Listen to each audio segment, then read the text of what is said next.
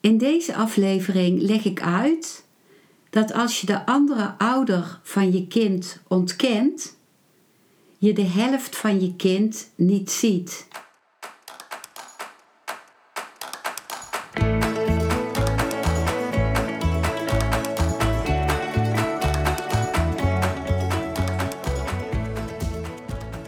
Welkom bij een nieuwe aflevering van Modita's podcast Van Pijn naar Zijn.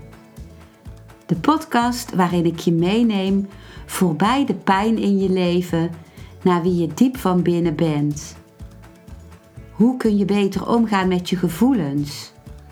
Hoe vind je rust in je hoofd?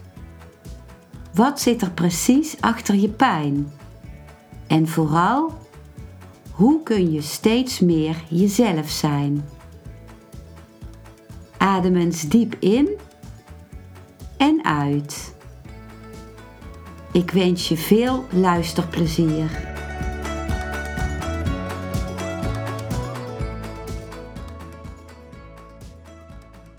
Ik deel eerst de woorden van het filmpje van mijn YouTube-kanaal Modita van Zummeren met dezelfde titel als deze podcastaflevering. Dus hier komen de woorden van mijn filmpje. Als je de andere ouder van je kind ontkent, dan ontken je daarmee ook de helft van je kind. Dus kun je je kind niet echt zien. Ik hoor meerdere keren van iemand uh, die bij mij komt voor een consult of voor een familieopstelling, bij wie de relatie op een niet goede manier is beëindigd, dat er zoveel verwijten zijn naar de andere ouder van het kind, dat die andere ouder helemaal uitgeblokt wordt. En dan zegt iemand van, maar van mijn kind hou ik zoveel. En ik versta de intentie van het houden van en de, de zorg en de, de verbinding die iemand met zijn kind wil maken. Maar wat er in feite is, is dit houden van. Omdat je kind heeft de helft van jouw genen en de helft van de genen van de ander. Draagt dingen uit jouw familiesysteem en draagt ook dingen uit het familiesysteem van de andere ouder. En als je de ouder van het kind uitblokt, dan heeft dat heel veel invloed op het kind.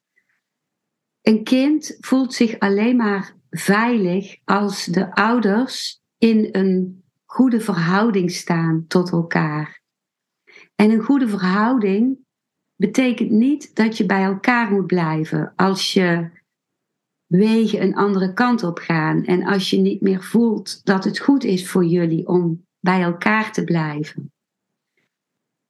Maar wat wel nodig is, is dat je uh, diep van binnen voelt dat je als ouders met elkaar verbonden blijft. Niet meer misschien als partners, maar wel als ouders. Ouders van dit kind. En dat je uh, in je kind ook de andere ouder ziet, erkent en respecteert in de andere ouder het leven dat die andere ouder aan je kind heeft gegeven in de eerste plaats. En ook dat je, als dat mogelijk is, dingen terughaalt van wanneer je verliefd werd op de ouder van je kind, bijvoorbeeld. Of wanneer je iets moois in de ogen zag. En dat je kijkt van waar zie je dat? Waar zie je dat mooie wat je toen in de ogen van je partner zag? Waar zie je dat terug in jouw kind? En dat wordt gevoeld door je kind. Een kind is altijd van binnen loyaal naar zowel de vader als naar de moeder. En dan wordt heel vaak tegen mij gezegd van, ja, maar dat is mijn kind niet hoor. Mijn kind wil door vader of moeder de andere ouder helemaal niet meer zien. Die is daar heel boos op. En het kan zijn dat de partner, dat jouw partner de verantwoordelijkheid niet heeft genomen als vader of als moeder. En dat ook het kind dat voelt. En dat is wat een kind uh, mag voelen van ik ben boos op jou, want je hebt je verantwoordelijkheid als ouder niet genomen. En als de, de, de andere ouder heel veel pijn heeft aangedaan aan het kind, dan kan het ook voor het kind nodig zijn om afstand te nemen. Maar het blijft de ouder van het kind. En wat ik vaker zie, is dat het kind. Uh, laten we nu even zeggen dat, uh, want anders wordt het voor mij te moeilijk om steeds te zeggen hem of haar of de andere partner. Laten we nu even zeggen dat de, de vader en moeder gescheiden zijn, dat de moeder uh, en het kind contact hebben en dat de vader uitgeblokt wordt door de moeder. En als het kind dat ook doet, dan is dat heel vaak de loyaliteit aan de moeder. Dat het kind dan zegt van, ik ben ook boos op mijn vader. Ik wil ook niks meer te maken hebben met mijn vader. En diep van binnen zegt het kind dan, mama, ik ben loyaal aan jou. Maar heel diep van binnen heeft het kind altijd de loyaliteit naar beide ouders. Want het is uit beide ouders ontstaan. En dan gaat zich de loyaliteit naar in dit geval de vader ergens in het leven van het kind manifesteren. Bijvoorbeeld in de vorm van een eetstoornis, van bulimie, bulimia bijvoorbeeld. Dan zegt het kind met het overeten Mama, ik neem het eten van jou. Ik ben loyaal aan jou. En met het braken, als iemand braakt, dan spuugt hij het eten juist uit. Wat hij van de moeder krijgt. En zegt hij daarmee: Ik ben loyaal aan jou, lieve papa. Dat is van binnen. Of het kind gaat precies het gedrag vertonen van de vader. In een poging de vader alsnog zichtbaar te maken. Of het kind wil verdwijnen, net als de vader verdwenen is en uitgeblokt is. Blokt het kind zichzelf uit door bijvoorbeeld uh, een eind aan het leven te willen maken of door uh, anorexia te krijgen en het hele lichaam te laten verdwijnen, zoals ook de vader verdwenen is. Of door dezelfde woedeaanvallen te krijgen die de vader had. En als de vader uitgeblokt is en de vader wilde dat niet, die, die had wel in verbinding willen blijven, dan kan die vader woedend zijn en het kind kan die woede van de vader gaan leven en woedend worden op de moeder. Dus er kunnen heel veel dynamieken dan ontstaan. En wat er dus gebeurt is dat het kind zich gaat bemoeien met de relatie tussen de ouders, omdat de ouders zelf niet de verbinding met elkaar aangaan in dat wat er is tussen hen. Van we zijn weliswaar gescheiden van elkaar, maar we blijven ouders. Op het moment dat dat in een familieopstelling gezegd en uitgesproken wordt door de ouders, van wij zijn als ouders met elkaar verbonden en blijven met elkaar verbonden als ouders, dan ontspant zich iets in het kind. Dan hoeft het niet meer in die overlevingsstrijd te zitten van als mijn ouders niet bij elkaar zijn en in de eerste plaats bij elkaar zijn in mij, in mijn lichaam, in al mijn lichaamscellen, dan overleef ik het niet.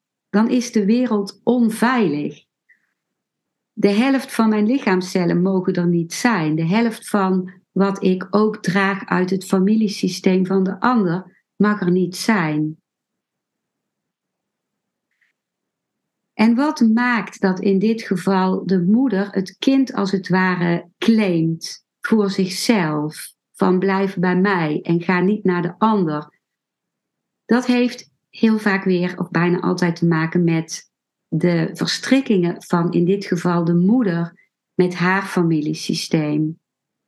Als zij niet de voeding heeft gehad, de support van haar beide ouders, dan gaat ze die support onbewust zoeken bij haar kind. En heeft ze het nodig dat haar kind bij haar blijft, voor haar. Maar zij is dan niet de grotere. Ze stelt zich bijna op als een gelijke van het kind. En dat ben je niet als ouder. Jij bent de grotere, je bent eerder gekomen in het systeem. En wat nodig is, is dat jij de support ontvangt van jouw voorouders. En als dat om welke reden dan ook niet in eerste instantie niet gaat met je ouders, om dan te gaan kijken van welke voorouders ontvang je de support. En vaak is dat als die voorouders jou ondersteunen, dan ondersteunen die voorouders ook jouw moeder en jouw vader. En kun, kun je hen ook als steun in je rug gaan ervaren. Dus daar zit vaak een hele dynamiek achter. Het kan ook zijn dat de moeder in dit geval heeft geleerd vanuit haar familiesysteem, heeft overgedragen gekregen dat mannen niet veilig zijn, dat mannen niet te vertrouwen zijn, dat mannen uh, gewelddadig zijn bijvoorbeeld, of dat mannen zwak zijn of te verafschuwen zijn. En dat wordt ook vaak in een familieopstelling dan gezien. Oh, ik draag dit van mijn familiesysteem. Deze walging voor een man of deze afschuw voor mijn partner, mijn ex-partner, heeft uiteindelijk niks te maken met hem. Of ik heb eenzelfde soort partner aangetrokken uit loyaliteit naar mijn familiesysteem. Als mijn moeder mannen haatte, ben ik misschien een man aan gaan trekken als moeder die, die ook zorgde dat ik mannen ging haten. Maar het is dan belangrijk om, ook al is dat dan onbewust gebeurd in je leven, om verantwoordelijkheid te dragen voor: oké, ik heb eenzelfde soort man aangetrokken als iemand eerder uit mijn familiesysteem, om die persoon uit mijn familiesysteem alsnog zichtbaar te maken of om loyaal te zijn aan die persoon. En om dat te zien met compassie naar jezelf, want dat zijn onbewuste mechanismen. Maar het belangrijkste is om te, je te realiseren dat echte liefde voor je kind betekent dat je in jouw kind ook de vader, of de, in dit geval de vader van je kind verwelkomt. En als je een man bent die luistert om de moeder van je kind in je kind te verwelkomen. En dat is helend voor het kind en uiteindelijk ook voor jouzelf. Mocht je hier ehm, naar willen kijken in een familieopstelling, dan ben je van harte welkom. Je vindt de gegevens uh, over uh, familieopstellingen die ik geef, over de pagina van mijn website, in de beschrijving onder dit filmpje. En mogelijk kan dit filmpje ook confronterend zijn als je hier naar luistert. Dat besef ik heel goed. En uh, ja, maar ik wil je ook vragen, als je de waarde ziet van wat ik vertel, van wat ik over wil brengen in mijn filmpjes, dan wil ik je ook vragen om je te abonneren op mijn YouTube-kanaal, omdat mij dat helpt om mijn werk zichtbaar te maken en dat is niet zozeer belangrijk voor mijzelf, natuurlijk ook, is ook fijn voor mezelf, maar ook omdat ik zie hoe door familieopstellingen, wat een verschuivingen er kunnen plaatsvinden. En dat er ook ehm, mensen die elkaar niet meer konden ontmoeten of waar stagnatie was opgetreden in hun leven, dat die mensen elkaar weer kunnen gaan ontmoeten en dat er weer ruimte kan komen. Omdat het werk, het, ehm, alles wat je meemaakt, verbreedt naar een wijder perspectief. En in dat wijdere perspectief komen duizenden nieuwe mogelijkheden naar voren. Dit waren de woorden van mijn YouTube-filmpje. Ik deel nu een tekst van Bert Hellinger, grondlegger van familieopstellingen, uit het boek De wijsheid is voortdurend onderweg. Dus hier komen de woorden van Bert Hellinger. De partnerrelatie heeft voorrang op het ouderschap. Weliswaar is de partnerrelatie ingesteld op het ouderschap, maar het ouderschap is de voortzetting van de partnerrelatie. Daarom put de man de kracht om vader te zijn uit de liefde voor zijn vrouw. Als hij van de kinderen houdt, bemint hij in de kinderen ook zijn vrouw en omgekeerd. De vrouw heeft de kracht om moeder te zijn, omdat zij weet dat de man aan haar zijde staat en zij van hem de kracht neemt om zich naar haar kinderen te wenden. Dat lukt als zij in haar kinderen haar man lief heeft. Als haar liefde voor hen de voortzetting is van haar liefde voor haar man. Kinderen worden gelukkig als hun ouders elkaar lief hebben. Kinderen zijn het gelukkigst als zij hun ouders als paar ervaren. Dan zijn ze werkelijk gelukkig en vinden zij troost. Dat is niet de enige bron van kracht die het ouders mogelijk maakt er voor hun kinderen te zijn. Een andere is de behoefte om door te geven wat ze van hun ouders gekregen hebben. In plaats van het aan hun ouders terug te geven, wat ze immers niet kunnen, geven ze het door aan hun kinderen.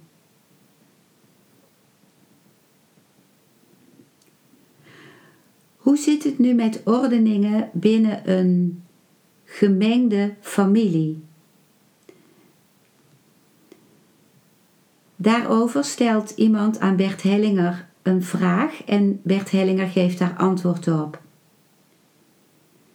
De deelnemer aan een groep van Bert Hellinger vraagt: Wanneer een van de partners of beiden eerder getrouwd waren en er zijn kinderen uit eerdere relaties, hoe is dan de ordening?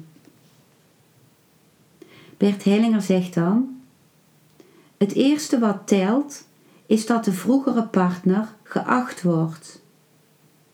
De argumenten die voor de scheiding gegeven worden, bijvoorbeeld dat de man excentriek was, zijn natuurlijk oppervlakkig.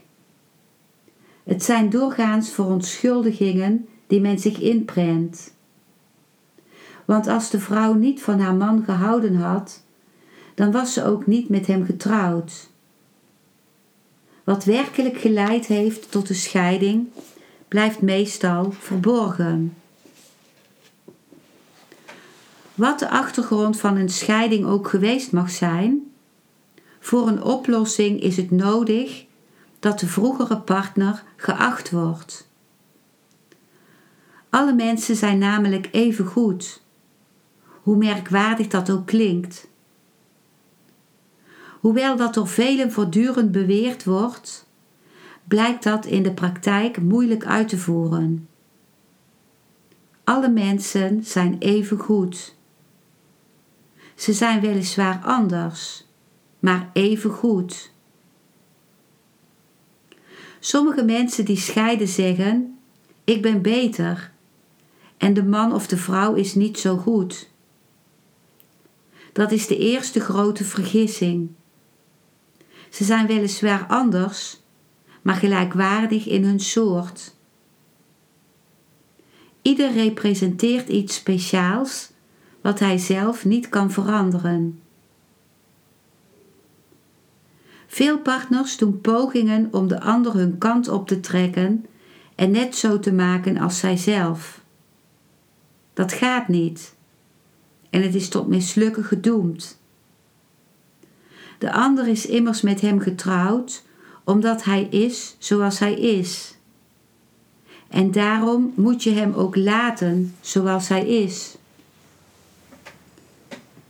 Pas wanneer de partner is zoals hij is en zo mag zijn, kan hij zijn potentieel, zijn bijzondere talenten, zijn bijzondere lot en dat wat hij anderen schenkt ook echt ontplooien. Dat is de basis voor ontwikkeling. Bij een scheiding moet dit ook erkend worden. Ik acht je zoals je bent. En zo was je voor mij goed. Zo heb ik van je gehouden. En zo houd ik nog altijd van je. Wat dan ook tot de scheiding geleid heeft, het mag niet afgeschoven worden op schuld. Nog bij de partner, nog bij zichzelf. Want wat tot een scheiding leidt, is vaak een geheim dat we niet doorzien. Dat heeft veel met het verleden te maken. Als je dergelijke verbanden kent, dan kan je dat ook onder ogen zien en erkennen. Als de man geacht wordt en de vrouw geacht wordt, dan voelen de kinderen zich ook geacht. Wie de man afwijst of wie de vrouw afwijst, wijst in de kinderen ook de man of de vrouw af. En dat is voor de kinderen beklemmend. Ook daar geldt dat erkend wordt: jouw vader en ik zijn voor jullie even goed en even juist. Ieder op onze eigen speciale manieren. Dan kunnen de kinderen vrede hebben met hun talenten en met hun lot en daardoor krijgen ze meer kracht. Ook voor de man is het belangrijk dat hij erkent dat de kinderen in orde zijn omdat ze deze vader en deze moeder hebben, beiden op hun speciale manier. Op dat moment zijn allen vrij. Als een tweede relatie begint, wordt datgene wat nog onopgelost is uit de eerste relatie, door de kinderen uit de tweede relatie nog een keer opgepakt en ze proberen dat op te lossen. Deze oplossing is echter instinctmatig en blind en bestaat eruit dat een van de kinderen de vroegere partner representeert zonder dat het kind dat merkt. Als bijvoorbeeld een zoon uit de tweede relatie de eerdere partner van de moeder moet representeren, dan is hij voor de moeder geen zoon, maar de partner. Ook voor de man is hij geen zoon, maar een rivaal. Pas wanneer de vroegere partner geacht wordt, komt de zoon los uit deze verstrikking en wordt weer kind. Daarom is het zo belangrijk dat de man tegen hem zegt: Je hoort hierbij. Ik ben hier de vader. Dat anderen regelen je ouders. Daar heb je niks mee te maken. Dan is het kind vrij. Dit zijn zo enkele wetmatigheden om rekening mee te houden, zodat een tweede relatie of een derde kan slagen. Met deze woorden van Bert Hellinger eindig ik deze aflevering. Dankjewel voor het luisteren naar deze aflevering. Ik hoop dat hij je een nieuw inzicht of perspectief heeft gegeven. Ik hou van interactie, dus als je iets wilt delen, stuur me dan een mailtje op info@genietenvanmeditatie.nl. Ik geef je dan altijd antwoord. Ik wens jou dat je vreugde in het dagelijks leven zult ervaren en innerlijke rust. En dat je steeds meer je pijn zult kunnen omvormen in zijn.